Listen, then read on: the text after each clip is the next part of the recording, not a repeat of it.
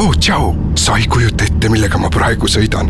masinaga, mis maksab rohkem kui Rolls-Royce ja sohver on roolis ja ma ei pea isegi ust avama ja istmed on nii mugavad ja mõnus kohvijook on mul praegu näpus. ja kui tahan, siis sirutan jalad välja ja loen raamatut või teen tööasju oh,. või vaatan filme, täpselt nagu kinos Lux Expressiga on mitu korda mugavam sõita kui oma autoga. ikkagi Eesti kvaliteetseim sõidujagamisteenus. osta bussipilet luxexpress.eu. ja muide, Lux Expressiga saad iga pool ja täistund Tallinnasse ja Tartusse. kuku raadios välja öeldud seisukohad ei pea ühtima Kuku raadio seisukohtadega. Te kuulate Kuku raadiot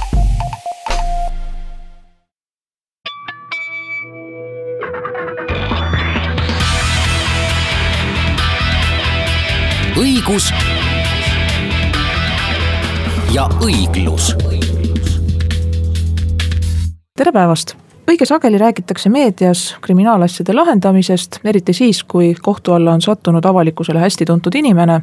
aga minule tundub ja loodan, et kuulajad teile niisamuti, et võib-olla see kaasaegne võistlev kriminaalprotsess ei olegi avalikkusele väga hästi lahti räägitud. ja kui see nõnda on, vähemalt minu silmis on, siis täna püüaks selle lünga täita. ja kes oskaks seda veel paremini seletada kui kaks kogenud juristi, kohtunikku, kes siin Kuku mikrofonide taga mulle seltsiks ongi. Saale Laos on Riigikohtu kriminaalkolleegiumi esimees, tere Saale. tere. ja Velmar Brett on Harju maakohtu süüteoasjadele ehk siis äh, kriminaal- ja väärteoasjadele spetsialiseerunud kohtunik, kes on pikalt tegutsenud ka advokaadina. tere, Velmar. tere, aitäh kutsumast. no nii, aastast kaks tuhat neli, täpsemini esimesest juulist kaks tuhat neli muudeti Eestis kriminaalmenetluse korraldust ja siis nõukogude ajast äh, mõningaste muudatustega üle tulnud niisugune protsessi kord asendati võistleva protsessiga, nii nagu ta on ka mõnedes või võib-olla ka paljudes teistes Euroopa riikides, et teatud sellised ameerikalikud elemendid, mis peaks tegema selle menetluse noh, huvitavaks lugesin ka meediakajastust tollest ajast, kaks tuhat viis näiteks ja kaks tuhat kaheksa väga huvitavaid artikleid. ja siis tollal kurdeti, et äh, liiga palju mõistetakse õigeks, sellepärast et kui näiteks kohtusaalis äh, süüdistatav ütleb või, või mõni tunnistaja ütleb, et tema enam ei mäleta seda, mis ta politseile rääkis. näiteks vahetult pärast kuritegu, et siis seda, mis tema rääkis, enam tõendina arvestada ei saa ja nii edasi ja nii edasi, no ja tänasel päeval räägitakse jälle, et vastupidi, et liiga palju mõistetakse süüdi. et niisiis, ähm, et mis kohtuniku seisukohalt selles võistlevas protsessis äh, varasemast erinev on, niivõrd-kuivõrd te saate seda lihtsalt kirjeldada? no kui tuletada meelde kriminaalmenetluse seadustiku vastuvõtmise ajal äh, räägitud, mis on ka eelnõu seletuskirjas mustvalgel kirja pandud, et miks üldse kahe tuhande neljandal aastal uus menetlusseadustik tervikuna jõustus, siis räägiti kolmest olulisest põhimõttest, et kriminaalmenetlus peab olema ökonoomne, efektiivne ja kiire. Sest ilmselge on see, et niikaua, kui ühiskonnas kuritegusid toime pannakse, siis on riigil kohustus ka neid uurida, kannatanuid kaitsta, räägitakse riigi kaitsekohustusest et kriminaalmenetlus iseenesest ei ole midagi, midagi sellist, mis, mis kuuluks ühe või teise riigikorra juurde spetsiifiliselt. pigem on küsimus sellest, et kui nõukogulik äh, kriminaalmenetlus ja, ja repressiivaparaadi kasutamine ei allunud nii-öelda väljaspoolt kontrollile, siis õigusriiklikult on ju põhimõte see, et kõik võimuharud peavad omavahel olema kontrollitud, omavoli peab olema välistatud ja, ja seetõttu oli vaja ka uus menetlusseadus välja töötada, vastu võtta ja tasakaalustada nii-öelda seda täitevvõimu poolt ja suurendada kohtu rolli. Minul kusjuures on jäänud, aga mina ei ole ise ju kunagi ühtki kriminaalasja lahendanud ja õnneks ei ole osalenud kriminaalmenetluses äh, ka üheski teises menetluslikus rollis, et ei, ei süüdistatava ega kannatanuna ja annaks taevas, et nii see ka jääks aga et kuidas see kohtuprotsess praegu välja näeb, et kui nüüd asi on läinud üldmenetlusse, selle räägime veel ka lahti, et mis need menetluse liigid on. aga kui nüüd on jõutud siis äh, sellise protsessini, noh nagu siin avalikkuse ees ikka meenutatakse, olgu need äh, Eesti juhtivate kuritegelike ühenduste liidrite protsessid või siin endise Tallinna äh, linnapea protsess. et asi on nüüd üldmenetluses kohtu ees kuulatakse tunnistajaid, on advokaadid, on, on prokurör, prokurörid et mis see kohtuniku roll seal on, et kas, kas Velmar, kas sa istud äh, seal äh, Harju maakohtus äh, lihtsalt keskel, käed rinnal risti ja, ja kuulad, mida räägib advokaat ühelt poolt, prokurör teiselt poolt? kui on professionaalsed, väga professionaalsed kaitsjad ja prokurör, noh tavaliselt nad ongi, siis ma tõepoolest istun seal keskel ja võib öelda, et teatud juhtudel isegi naudin mängu, sest äh, ega mu roll ongi seda ohjeldada. Äh, kõigepealt on ju see menetlus toimub niiviisi, et algab prokuröri voor, äh, kui me räägime nüüd äh, uurivast etapist, et kui tõendeid esitatakse, prokurör esitab tõendi, kaitse vaidleb vastu sellele tõendile, et kõigepealt, et tõend ei ole asjakohane, siis et ei ole lubatav, siis räägitakse usaldusväärsusest ja, ja järg- ja see nii iga tõendi kaupa käib see niiviisi ja mina siis vaatan, kumb, kumb tundub usutavam, veenlam, veenvam ja siis teen oma nii-öelda otsustuse selle konkreetse tõendi osas, kas võtan vastu, ei võta vastu. mõnikord jätan selle otsustuse eh, noh, hiljemaks siis, kui ma otsuse teen, nii et, et tõepoolest, ma püüan olla seal keskel ja üldjuhul see ei ole raske keskel olla. nii et sina ise näiteks seda tunnistajat, kes siis, kui äh, politsei või prokurör esmalt äh, temaga vestles, äh, sai tunnistuse kätte ja kes nüüd enam ei mäleta, ütleb, et löö või maha, et ma ei, ma ei mäleta, et ma oleksin seda puškarit ostnud või või et ma oleksin tegelikult kedagi, kedagi teist peksmas näinud. et siis sina ise ei hakka välja selgitama et kas see nii oli või mitte, vaid sa ikka usudki seda, et, et mida sa näed advokaadi ja prokuröri pingpongis? see, millest sa nüüd räägid, see on juba ristküsitlus mm. -hmm. ja, ja see on üks, see on kriminaalmenetluse üks kõige spetsiifilisem osa, võistleva menetluse. ja, ja mis seal salata, tegelikult äh, siin ei olegi me väga hästi seda tegema õppinud, ma tean väga üksikuid advokaate, väga üksikuid prokuröre, kes oskavad ristküsitleda hästi ja, ja kohtuniku roll on seal ikkagi passiivne, ma saan küsida peale teiste, peale seda, kui kõik teised on küsinud, ma saan esitada küsimusi, aga ma ei, ei hakka esitama uute asjaolude kohta, vaid ma te, esitan küsimusi selleks, et kui mingi asi mulle ebaselgeks jäi. sest ma pean pärast ju otsuse kirjutama ja kui mingi asi jääb lahti, ma ei saa kuidagi muul, muul moel seda sisustada, kui ainult selle isiku enda ütlustega. kui nüüd isik varasemalt äh, andis ütluseid ja hiljem ei andnud ütlusi, noh, meil on paraku menetlus jah niiviisi, et ega me kohtueelses menetluses antud ütlusi niisama lihtsalt avaldada ei saa. nii et äh, tõesti, on selline võimalus. et äh, kui ta ütleb, et ei mäleta, siis, äh, siis siis on raske neid ütlusi kasutada, aga see on prokuröri mure, see ei ole minu mure. sageli läheb ju aastaid selleni, kui kohtu ette lõpuks see asja arutamine üldse jõuab ja noh, tõesti võib olla objektiivselt nii, et tunnistaja enam neid detaile, mida ta vahetult peale seda kuritegu eh, mäletas, et ta neid tõesti enam ei mäleta, see võib olla nii, aga hullemal juhul ja sellest siis tollal ka ajakirjandus kirjutas, kurtes selle üle, et nüüd hakatakse siis kõiki neid, kellel on raha, väga head advokaati palgata. Eh, ja et ennekõike on siis tegemist selliste noh, raskemate kuritegudega, et tõsised korruptsioonikuriteod või organiseeritud kuritegevus, noh, selline väga valgekraeline ja läbimõeldud, et kõikidel nendel siis on võimalik mõjutada neid tunnistajat enne koht, kohut eh, kohtus väitma hakkama, et vot ei mäleta. või et vot näed, et poli-, et politsei või, või prokurör ähvardas või, või lubas õigeksmõistmist või mis tahes, et eh, sellepärast tookord ütlesin, aga et tegelikult ei olnud niimoodi. et, eh, et miks selline lahendus Saale valiti? No tegelikult see kõik, mis Velmar äsja rääkis, see iseloomustabki seda võistlevat, võistlevat kohtumenetlust. et eh, tulles kõigepealt nende menetluslike rollide eristamise juurde, et kohtunik ongi seal keskel, vaatab ja tõde selgitatakse välja kahe poole vaidluses erinevalt siis varem kehtinud menetlusest, kus kohtunik nii-öelda ka ise aktiivselt uuris, tehes koostööd prokuröriga, et see objektiivne tõde välja selgitada. et sellepärast räägitakse ka tänapäeval võistlevas menetluses nii-öelda menetluslikust tõest. ehk sellest, mida pooled kohtu ette toovad ja selles vaidluses sünnib tõde.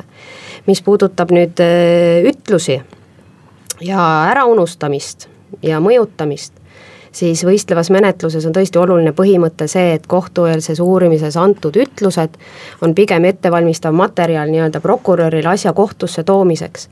ja kui kohtumenetluses neid sarnaseid ütlusi ei anta, siis äh, on väga piiratud võimalused, et üldse pöörata tagasi sinna äh, varasemalt antud ütluste juurde. et ka see tegelikult teenib selle äh, asja vahetu uurimise ja võistluse põhimõtet. Aga ma pean ütlema siia, et, et minu menetluses on seda üliharva juhtunud, niisuguseid asju, nii et, et tegelikult tõenäoliselt see probleem on veidi ülepaisutatud. inimesed ikkagi, kui tulevad kohtusse Äh, siis ma olen näinud, ma olen tundnud, et inimene võib-olla ei räägi tõtt, aga üldjuhul see on väga-väga niisugune erand. tegelikult ikkagi ma näen, et räägivad tõtt ja kui nad midagi ei mäleta, siis selleks on olemas ka menetluses niisugused vahendid, et tal on võimalik tutvuda mingisuguste materjalidega ja meelde tuletada, näiteks antakse talle isegi lugeda oma neid varasemaid ütlusi seda ta ei tohi kõvasti ette lugeda, sest kohus niisama nende varasemate ütlustega tutvuda ei tohigi.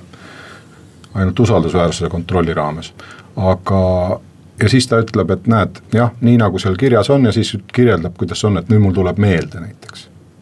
Aga on muidugi väga harva on ka niisuguseid juhuseid, kus ütleb, et ei, see oli hoopis teistmoodi ja ma ütlesin siis äh,, eksisin ja, ja aga, aga see on erand, see on, kõik on erand. Enamasti ikka inimesed ei taha valetada äh, menetluses no filmides, millest juhindudes tihtipeale ette kujutatakse ka Eesti kohtutes toimuvat, aga need on enamasti siis Ameerika kohtufilmid ja sealne õigussüsteem on siiski eh, teistsugune.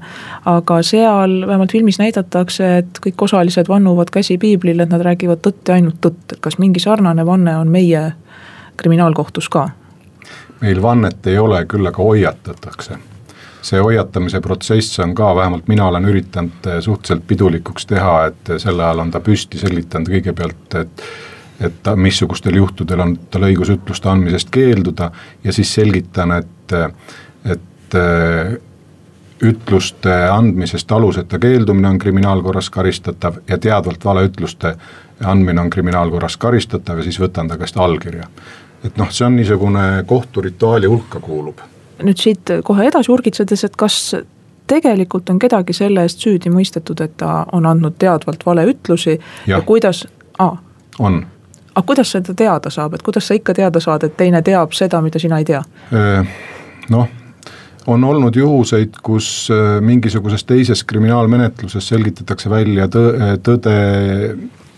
Siis on olnud juhused, kus mingid objektiivsed tõendid näitavad, et see oli vale siis ta on andnud, kui ta annab ühe, ühe korra ütleb üht, teine, teise korra räägib teist, siis äh, noh, näiteks kohtueelses menetluses räägib üht ja, ja kohtus räägib risti vastupidi, siis üks nendest peab ju olema vale ja kummalgi korral oli teda hoiatatud teadvalt valeütluste andmise eest, ka sellisel juhul võib karistada, nii et äh, et on küll niisuguseid ja, ja ma olen päris mitu asja menetlenud, kus isik on valeütlusi andnud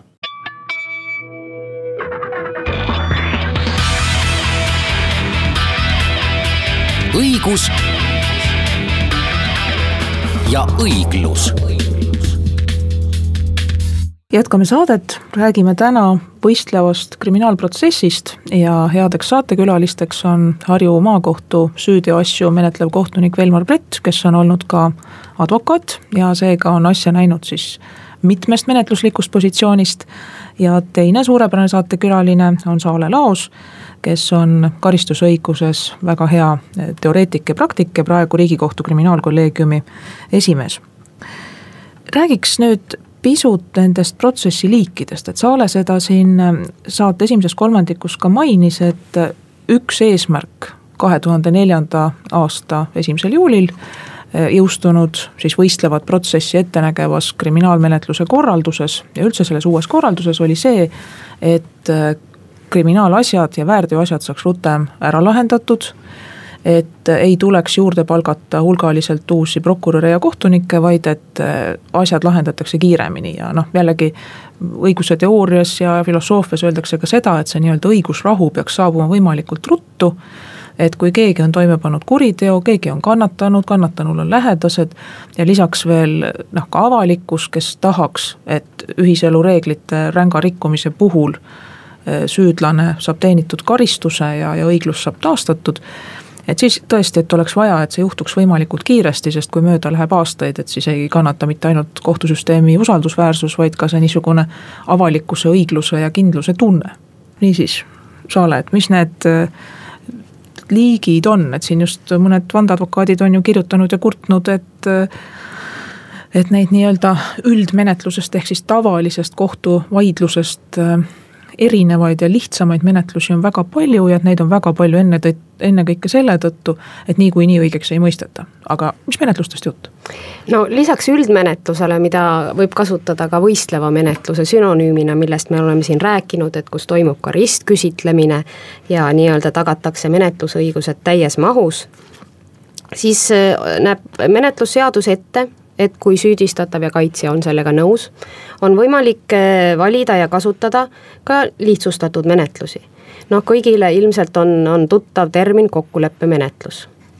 mis, mis tähendab siis seda, et eh, prokuratuur ja kaitsja pool tegelikult eh, räägivad asjad tõendite valguses kõigepealt omavahel läbi, panevad paberi peale kirja ja selle kokkuleppega minnakse kohtuniku juurde kes siis vaatab, kas see kokkulepe on seaduslik ja ilma sellist äh, tõendite avalikku võistlevat uurimist on võimalik siis teha süüdimõistev otsus, kui kohus leiab, et kokkulepe on seaduslik, sellisel viisil.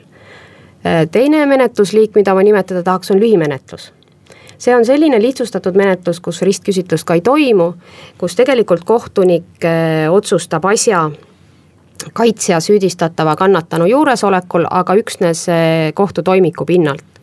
et sellisel juhul siis eh, tunnistajaid, eksperte kohtusse ei kutsuta ja kui süüdistataval nii-öelda teatud kaitsevõimalused sellega ju vähenevad, siis vastutasuks näeb seadusandja ette, et sellisel juhul automaatselt peab karistusest ühe kolmandiku maha võtma ja on veel mõned üksikud, üksikud sellised erisused, mis võib-olla nii suurt tähendust ei oma, aga ma nimetaksin ka menetluse lõpetamise võimalused mis tegelikult menetluse kiiruse ja, ja igale asjale nii-öelda adekvaatse hinnangu andmisel on päris oluline, oluline võimalus nii prokuratuuri kui ka kohtu käes. otstarbekusest menetluse lõpetamine kui on küll toime pandud rikkumine, mis vastab kuriteo koosseisule, aga kus inimese süü ei ole suur ja ei ole ka suurt avalikku huvi, siis on võimalik äh, kriminaalmenetlus lõpetada ilma süüdimõistvat otsust tegemata. Äh, loomulikult peavad olema tõendid mis tõendavad seda teo toimepanemist. isik peab sellise lõpetamisega nõus olema ja sellise kokkuleppega lõpetamisel võtab inimene ka kohustuse siis riigi ees. kas teha üldkasulikku tööd, maksta mingisugune rahasumma ja sellisel juhul siis õigeksmõistvat ega süüdimõistvat kohtuotsust enam ei järgne. et kuidas sa, Velmar, sellise lahenduse õigsuses veendud, et, et nüüd avalikkus, näiteks ka ajakirjandus ei pahanda, et inimene jääb süüdi mõistmata, see asi jääb justkui lõpuni lahendamata, et ta jääb justkui poolele teele, et tuleb äh, sa pead silmas praegu lõpetamist? no näiteks. ei, ma arvan, et äh, tihtipeale ei olegi oluline inimest karistada, vaid oluline on talle näidata, et see tegu, mis ta tegi, oli vale. ja, ja oportuniteediga lõpetamine tegelikult ju seda teebki. ta annab mõista, et inimene tegi valesti, inimene äh, tegelikult kahetseb seda ja siis annab tal mingil viisil võimaluse heastada seda tegu. Äh, lisaks kõigele muule kaasneb sellega olukord, kus inimesel ei teki karistust ehk karistatust, see ei lähe karistusregistrisse. seetõttu vahetevahel tekib olukord, kus eh, inimene paneb toime teo ja see võib tal noh, võib-olla rumalusest, mis iganes, aga see võib tal kogu ülejäänud elu ära rikkuda. aga sellisel juhul, kui see tegu ei ole tõesti, tõesti niivõrd, eh, niivõrd eh, raske või, või ühiskonnale nii ohtlik, siis siis tekibki ka, ka muuhulgas ka kaalutakse seda, et kas on põhjus seda inimest veel täiendavalt karistada sellega, et ta kogu elu, ülejäänud elu on rikutud. nii et neid põhjuseid on palju ja, ja kindlasti muuhulgas on ka, on ka see, et, et ega see karistuse kandmine on ka riigile väga, väga, väga kallis nii et noh, neid palju põhjuseid ja nii, et mina arvan, et on, on mõistlik teatud olukordades tõesti menetlus lõpetada. Alati ei peagi karistama et mis sellised juhtumid näiteks on, et kas sinna võib kuuluda ja, ja siin nüüd võimalik, et tuleb väärteo ja, ja kuriteo erisus sisse, aga mina küsin neid küsimusi, mida ka minult sageli küsitakse ja ma arvan, et teie vastused saavad olla palju paremini põhjendatud ja autoriteetsemad kui, kui ise kriminaalasju mitte lahendanud inimese omad. et mis näiteks need sellised oportuniteediga või otstarbekuse kaalutlusel lõpetatud asjad saavad olla, et kas see saab näiteks olla eh, noh, mingi toimingupiirangu rikkumise asi korruptsioonivastase seaduse mõttes või mis need on?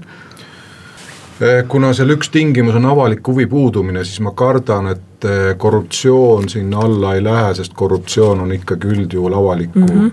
avaliku, selle vastu võitlemine on avalikes huvides. aga, aga ma ei saa niiviisi, seal kindlaid, kindlaid reegleid ei ole vähemalt minu hinnangul ei lähe sinna alla. aga mis sinu praktikas on olnud näiteks need näiteks, juhud, kus oportuniteet on põhjendatud? Mm. vargus, kui inimene pani esmakordselt toime varguse, varastatu objekt on üle kahesaja euro, see tähendab, et et see tegu tuleks kvalifitseerida sada üheksakümmend üheksa lõige üks järgi, karistusseadustik paragrahv sada üheksakümmend üheksa lõige üks järgi. ja, ja on näha, et inimene varem ei ole kunagi niisugust asja toime pannud, ta väga kahetseb seda, kohus hindab, et tõenäoliselt ei pane ka tulevikus seda toime, selline juhus mm -hmm. näiteks on olnud juhuseid, kus lõpetatakse näiteks alkoholijoobes juhtimine, kui ta varem ei ole kunagi seda teinud, kogu aeg on näiteks varasemaid karistusi üldse ei ole, ka see võib-olla vahel lõpetatakse, niisugused äh, noh, noh kõik kuriteod on ju taunitavad, aga niisugused mitte väga ohtlikud kuriteod on need mm, -hmm. kus seda saab lõpetada ja tõepoolest, seadus kõige raskemates kuritegudes sellist lõpetamise võimalust ette ei näe, et et üksnes teise astme kuritegudes, kus see maksimaalne karistus võib olla kuni viis aastat vangistust. aga täiendavaid äh, kuriteoliigist lähtuvaid piiranguid tõesti ei ole. aga ma nõustun Velmariga selles, et see avaliku menetlushuvi äh, tingimus, mis peab puuduma, et, et konkreetses asjas saaks menetluse lõpetada, et, et see, see võib siis konkreetsel ajahetkel olla ka erinev, mõni kuriteoliik võib olla suure avalikkuse tähelepanu all, kindlasti ka korruptsiooniasjad et sellisel juhul siis lõpetamisega piirduda ei saa. Aga näiteks äh, raske kehavigastuse tekitamine või noh, ütleme näiteks liiklusõnnetuse põhjustamine niimoodi, et inimene murrab jalaluu ja terve suve näiteks peab käima karguga. Mm, et äh, kas sellisel juhul on see mõeldav, et kas see on esimese või teise astme kuritegu, et, et jällegi võib-olla seletaks ka selle erisuse lahti, et. et võin kinnitada, et inimestele, kes ei ole ise õigusteadust õppinud ega ei ole kaasaegse karistusõiguse ja menetlusega kursis. Äh, on muide see vahetegemine küllalt keeruline ja sellest ka siis võimalused tihtipeale kohut äh, süüdistada täiesti asjatult teatud tüüpi otsuste tegemises, et tegelikult asjad on ju seaduses kirjas, nii et. et mis need esimese ja teise astme kuriteod on ja et kas on võimalik, et näiteks oportuniteet tuleb kõne alla ka eh, liiklusõnnetuse põhjustamisel, kui teine murrab jalaluu ja on terve suve näiteks karguga. Liiklusõnnetuse põhjustamisel on võimalik aga raske kehavigastuse tekitamisel ei ole võimalik, sest raske kehavigastuse tekitamine on ikkagi esimese astme kuritegu mm. -hmm. aga jah, Äh, niiviisi konkreetseid lahendusi pakkuda või öelda, et nende puhul saab, noh, see on ikkagi, iga kohtunik vaatab seda konkreetsest kaasust ennast ja kas seal on võimalik või ei ole võimalik. kuigi noh, lõpetada saab ka prokurör, aga kui noh, ma räägin ikkagi kohtuniku vaatevinklist, et kui minuni jõuab see lõpetamise taotlus, siis ma vaatan ikkagi seda, et seda konkreetset kaasust, kas saab seal lõpetada või ei saa lõpetada sest neid juhtumeid on ka olnud, kus õiguskantsleri ametkonda kaevatakse, sest teatavasti on meil ju õigus algatada kohtuniku vastu distsiplinaarmenetlus. et kaevatakse ka sedalaadi lõpetamise või siis ka kokkulepete kinnitamise tõttu, et näiteks kannatanu tunneb või kannatanu lähedased tunnevad, et. et see otsus oli siiski vale ja et nemad oleksid tahtnud minna lõpuni et kas ähm, sellise otsustuse tegemisel kannatanu või tema esindaja ka ära kuulatakse või, või kohtunik otsustab siin iseseisvalt? ei, kummagi puhul ei ole ette nähtud, et kannatanut ära kuulatakse. kokkuleppemenetluse puhul näiteks on niiviisi, et kannatanu peab andma selleks nõusoleku ja mm -hmm. ta mhm. saab avaldada arvamust mm. -hmm. ja, ja lõpetamise puhul jah, kannatanud üldjuhul, kuigi ma olen, tegelikult ma olen seda teinud, kui üldmenetluses on äh, üldmenetlus, mul on üldmenetlus ja siis prokurör taotleb kellegi suhtes lõpetamist ja see kannatanu on mul käepärast seal, siis ma ikka küsin kannatanu arvamust ka. ja kui kannatanu on nõus, siis äh, on mul palju kergem seda otsustada kui siis, kui kannatanu nõus ei ole, siis ma pean otsustama, et kas nüüd see kannatanu ajab seal kiusu või vastupidi, tõepoolest tema suhtes see oleks ebaõiglane et see, mida te kahe peale olete rääkinud, on näiteks minu jaoks tohutult oluline ja, ja minu silmis vähemalt on ka väga veenev ja muuhulgas kinnitab, et õiguse mõistmist automatiseerida ei ole võimalik.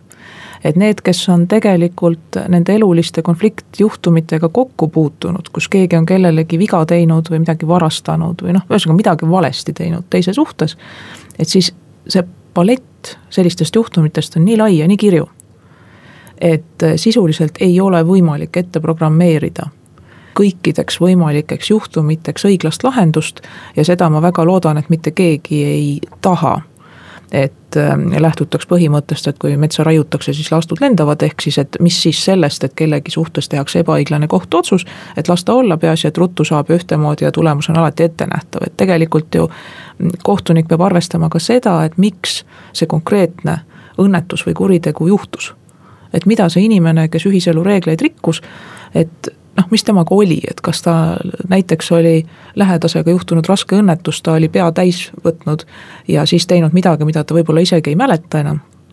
metsikult kahetseb ja et kas siis on mõtet minna teda täie rauaga süüdistama või saab selle rahu taastada kuidagi paremini, nii et selles mõttes mina näen kohtuniku rollina ka seda lepitamist ja ühiskonnas niisuguse rahu taastamist, et saaks eluga jälle kuidagi mõistlikult edasi minna just, ma tegelikult, kui mul toimik on, siis ma seda toimikut ju vaatan üksikasjalikult. Ja muuhulgas äh, vaatan noh, kasvõi karistusregistrit ja vaatan inimese ütlusi ja, ja sealt äh, tuleb välja see ütleme, maatriks või selline, et kas äh, kui, kui ilmneb, et mingil hetkel järsku inimene on kõvasti muutunud. enne on kogu aeg väga korralik olnud, siis järsku muutunud, aga siis ma küsingi, et mis juhtus ja noh, see ei ole iga, igal juhul iga kord niiviisi, aga mõnikord lihtsalt see tuleb välja.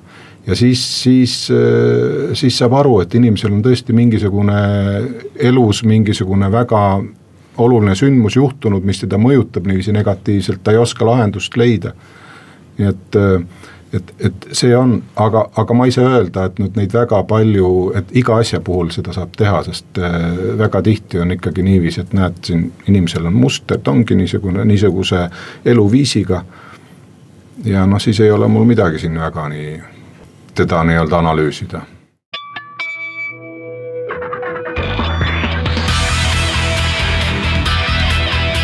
õigus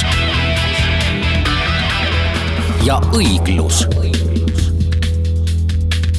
jätkame saadet, räägime täna kriminaalmenetlusest ja mitte ainult äh, sellest, mis tavaliselt äh, meediasse jõuab, ehk siis äh, juristide keeli üldmenetlusest, kus kohtunik kuulab ära kaitsja ehk advokaadi ja prokuröri ehk süüdistaja, vaid pisut ka siis kokkuleppemenetlusest ja lühimenetlusest.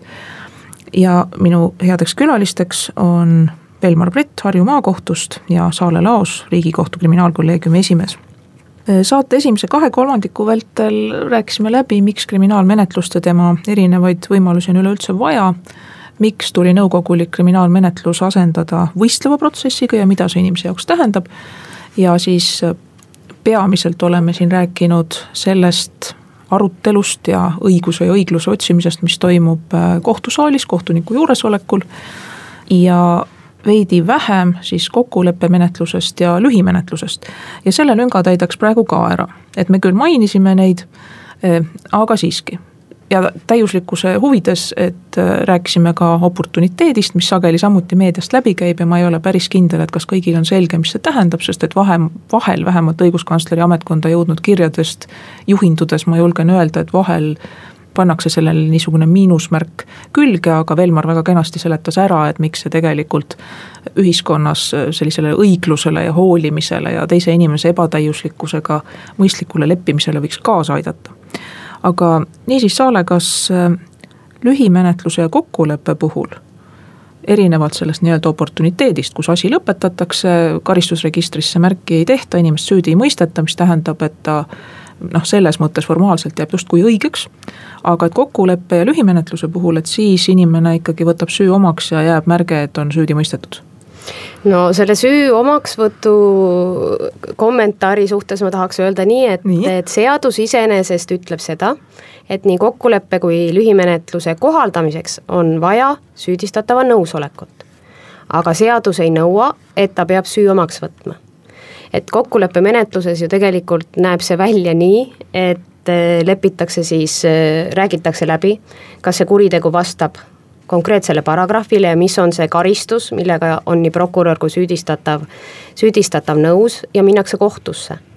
ja loomulikult kohus küsib, et, et kas te tunnistate ennast süüdi, kas te jääte kokkuleppe juurde, aga see olulisem pool kokkuleppemenetluses on ju, Velmar võib parandada, kui ma eksin, on ju see, et kas isik on vabatahtlikult kokkuleppe sõlminud.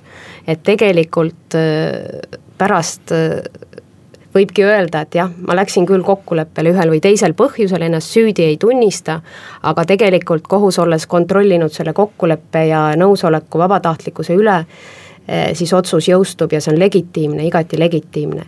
ja sama on lühimenetluses lühimenetluses, nagu eelnevalt sai ka mainitud, lihtsalt ei toimu tunnistajate ekspertide ülekuulamist, isik ennast süüdi tunnistama ei pea, vaid kohus teeb siis äh, oma otsustuse natukene piiratuma materjali pinnalt ja kui ta leiab, et need tõendid on piisavad isiku süüdi tunnistamiseks, siis tuleb see boonus isikule lihtsalt natuke kergema karistuse näol, et ta on loobunud teatud enda kaitseõiguse nii-öelda täies mahus teostamisest. no vot, ja siin on mitmel juhul inimesed ka meile kirjutanud, et äh, nad läksid kokkuleppele või nõustusid kokkuleppega või siis lühimenetlusega. selle tõttu, et nad küll tunnevad, et nad ei ole süüdi, aga neil ei ole raha, et head advokaati palgata ja et sellisel juhul niikuinii äh, lõpuks neid vintsutatakse ja, ja ei tea, kas õigeks mõistetakse, et küllap vist ei mõisteta. ja et, et olgu siis pealegi. ja noh, tihtipeale siis järgneb sajatusi Eesti riigi ja kohtusüsteemi aadressil. et kuidas teie kohtunikuna seda kontrollite, et see asi ikka õige on? Kui ma räägin kokkuleppemenetlusest, siis eh, ma tegelikult toimiku materjaliga tutvun mm. -hmm. seal ei toimu nende tõendite uurimist menetluses, aga kohtunik tõenditega tutvub ja, ja eh, ma annan, ma ikkagi hindan, kes, kas tegu on toime pandud, kas on õigesti kvalifitseeritud, kuigi seaduse järgi saab kaevata sellisel juhul, kui, kui kokkuleppes kirjeldatud tegu ei ole äh, õigesti kvalifitseeritud. aga, aga kohtunikuna ma hindan ikkagi ka neid eh, toimikumaterjale ja on olnud juhuseid, kus ma olen eh, saatnud, ma ei saa õigeks mõista, aga ma saan selle tagasi saata, öelda, et siin tegelikult kuritegu ei ole mm. -hmm. ja, ja see on muidugi sellisel juhul on see muidugi üsna suur kivi selle kaitse kapsaaeda. aga, aga selle, see, sellega ma äh, vaidlen vastu seisukohtadele, et, et, et alati on kokkuleppemenetluses isik mõistetakse süüdi. kohtunik kontrollib asjaolusid, kui ikka isik, inimene süüdi ei ole, siis, siis saadab lihtsalt tagasi, menetlus tuleb lõpetada, aga kohtunik seda ise teha ei saa. teine asi on see, et äh, mida kohtunik peab hindama sellisel juhul, on noh, noh kvalifikatsioon kõigepealt, et kas see on nüüd õigesti kvalifitseeritud ja, ja kolmas asi on see, et ma pean vaatama, et kas see karistus vastab süü suurusele. süü suurus antud kontekstis on selline, selle konkreetse kvalifikatsiooni raames hindamine, et, et kas ta nüüd ütleme, selle see tegu on, ütleme, kõige hullem sellele kvalifikatsioonile vastav tegu või selle kõige kergem sellele kvalifikatsioonile vastav tegu ja sinna kuskile, kuskile siis paigutub see süü suurus ja siis kohus vaatab, et kas karistus vastab sellele süü suurusele et kui siin tuleb korraks katkestada, et vot selle koha peal tihtipeale tekib ka eh, mõistmises lühis, et mis on see kvalifitseerimine, et, et see on ju siis selle õige paragrahvi valik karistusseadustikust, eks ole. õige kvali-, eh, paragrahvi ja lõike valik ja punkti ka vajadusel. aga too üks näide, et miks seda, miks siin saab üldse vaidlus olla, et prokurör on ju samamoodi läbinud eksami, et ega ta niisama eh, kohtusse ei jõua, et, et sinna ju päris algaja prokurör tegelikult sinu ette ei jõuagi et tema peaks ju oskama valida karistusseadustikust selle paragrahvi, et kust see keerukus tuleb, et ta eksib sellega. et noh, kui välja arvata trükiviga, aga noh, ma tahaks loota, et selliseid no, trükivigu ei teki. esiteks, eh, ega juura ei ole nagu täppisteadus seal on, mõistetakse ühte asja ühtmoodi, teist asja teistmoodi, näiteks olen saatnud tagasi juhul, kui on tegu, mis on hinna, kvalifitseeritud varguseks, ma leian, et see ei ole vargus, vaid on hoopis omastamine näiteks. aga mis seal vahet on? vahe on selles, et valduse murdmine, kui valdus on selle isiku käes, selle asja valdus on isiku käes ja ta võtab selle enda omandisse, siis see on omastamine, kui ta ka selle valduse kellegilt ära võtab, siis on vargus. noh, niisugused väiksed asjad, tihtipeale selline eh, noh, näiteks eh, korduvus, vahetevahel korduvus võib, võib, eh, võib jälle mõjutada kvalifikatsiooni, näiteks kas on nüüd süstemaatiline vargus Äh, või on või ei ole üldse siis nagu kuri, kriminaalne vargus, vaid on väärteo korras vargus, korduvus, sest süstemaatiline vargus on, kui kolm korda pannakse teatud perioodi jooksul pannakse varguseid toime, siis karistatakse kriminaalkorras, aga muidu, kui see vargus on väheväärtusliku asja vargus, siis see oleks väärtegu. Need näiteks siis noh, tihtipeale on jah, vot see, kus ma, äh, kus ma ükskord leidsin, et äh, kuritegu ei ole toime pandud, seal oli hinnatud, see varastatu väärtus oli valesti hinnatud mm. -hmm. ja sellisel juhul äh, äh, ma vaatan ka muuhulgas seda varastatu väärtust, sest see võib ka kvalifitseerimisel oluline olla. noh, kui vargusest räägite, aga noh, see vara väärtus võib olla ka teiste kvalifikatsioonide juures. nii et neid asjaolusid, mida hinnata, on väga palju ja äh, ka mina ju võin eksida vahetevahel, aga, aga eelduslikult äh, ma teen oma parimate teadmiste juures ja, ja ma leian, et näiteks mingisugune on valesti kvalifitseeritud, siis ma hindan, et et äh, siis ma ütlen, et see on valesti. ja nüüd me jõuamegi tegelikult ühe jällegi väga tõsise küsimuse juurde, mis ka minu töölauale ikka teatud regulaarsusega maandub ja nimelt kurtmine riigi õigusabi halva kvaliteedi üle et vastab ju tõele, et paljudele inimestele ühe väga asjatundliku advokaadi palkamine käib majanduslikult üle jõu. Eh, noh, päris hätta ja abita need inimesed pole jäetud, vaid sel juhul on võimalik taotleda siis riigi ehk maksumaksja kulul endale esindaja määramist, aga seegi on teada, et et päris sageli need kõige tugevamad advokaadid, noh siin jällegi ei taha üldistada, aga kahjuks üsna sageli, et pigem siis seda küllaltki madalalt tasustatud tööd ehm, noh, ei anta sellele parimale ja kõige nutikamale advokaadile, vaid, vaid vahel kas siis algajale või siis, või siis nendele, kes nagu võib-olla muu asjaga ei saa nii hästi hakkama. ja lisaks siis, et, et vähegi ära elada ja teenida, et siis võetakse ilmselt ka korraga küllalt palju asju käsile nüüd, kui võistlevas protsessis peaksid olema pooled igas mõttes võrdsed seal kohtuniku palge ees. ja kui juhtub see, et, et nii-öelda tavaline inimene on elu viperuste ja keerukuste tõttu eh, pannud toime kuritegusid, on jõudnud kohtu ette ja tal ei ole väga head advokaati.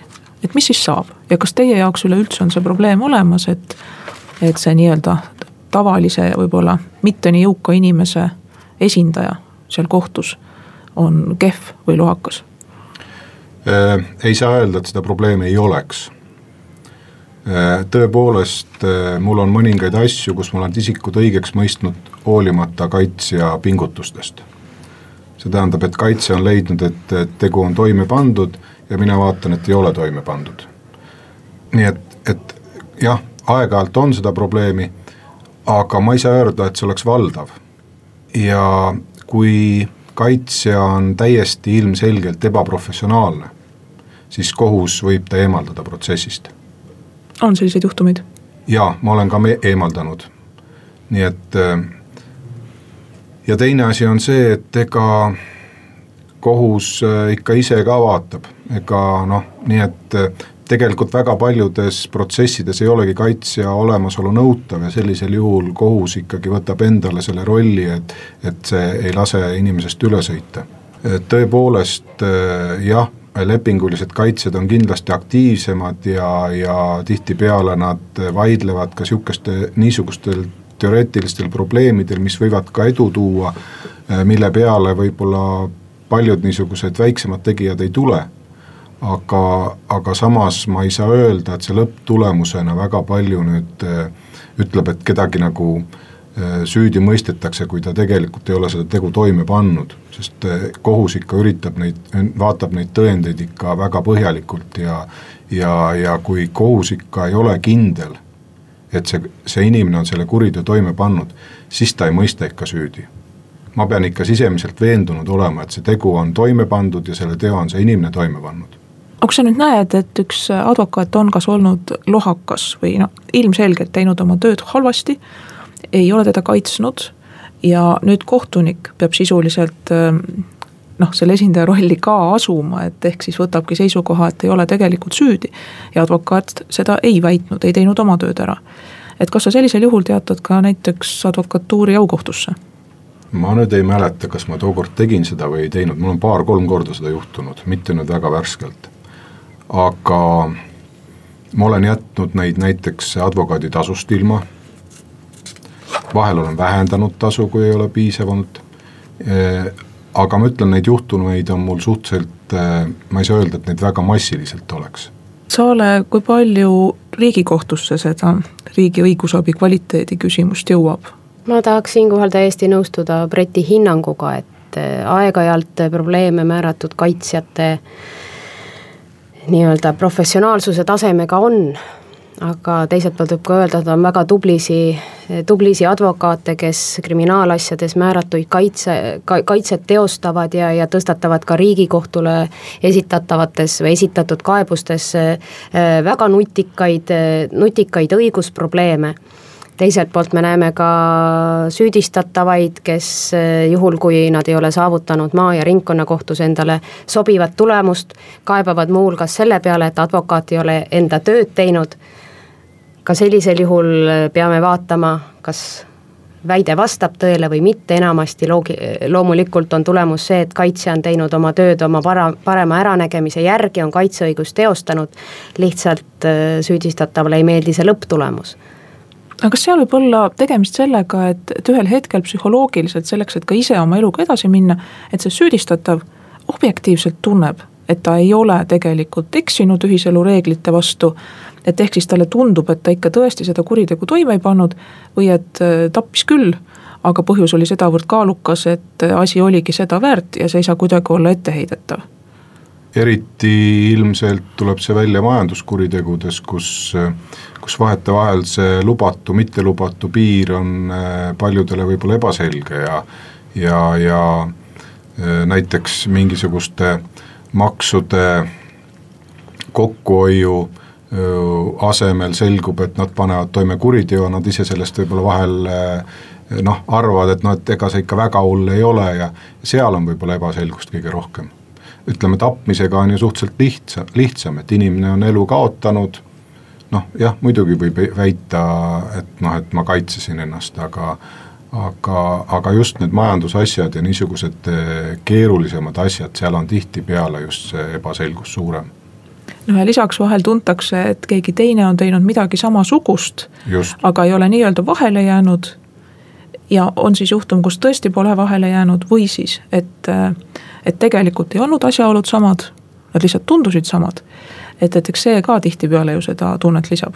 just täiesti nõus, tahtsin lihtsalt siia juurde lisada, et, et siit me jõuame tegelikult kriminaalmenetluse kohe ol, olulise, olulise põhimõtteni, nimelt süütuse presumptsioonini, mida me ei ole veel tänases saates nimetanud, et, et inimene ei peagi ennast nii-öelda objektiivselt ja, ja selgesõnaliselt kohtu ees süüdi tunnistama, et seda kohustust ei ole, et, et prokurör peab tooma tõendid, aga kui inimene oma süüd kahetseb ja, ja, ja, ja seda tõsiselt teeb, siis on tegelikult ju kohtul äh, lausa kohustus seda arvestada ka karistuse mõistmisel. ja väga paljud vaidlused, mis ka Riigikohtusse jõuavad karistuse mõistmise teemadel, käivad just selle üle, kas, kas see kahetsus ja süü tunnistamine on siis ikka siirad või mitte. ja siin paneme tänasele saatele punkti. saatekülalised olid Harju maakohtus süüteoasju lahendav kohtunik Velmar Brett ja Riigikohtu kriminaalkolleegiumi esimees Saale Laos. tänan teid kõigi nende mõtete ja selgituste eest, vähemalt minule sai asi palju selgemaks, loodan, et head kuulajad ka teile. elu on ausalt kirju ja enamik kohtunikke teeb oma tööd südametunnistusega ja võin kinnitada asjadest natukene teades, et see töö on tegelikult väga raske, seda on väga palju ja neid kohtunikke, kes oleks lohakad või, või tahtlikult midagi valesti teeks, ma arvan, et on väga vähe kui üldse. aga aitäh kuulamast ja uus saade uuel nädalal.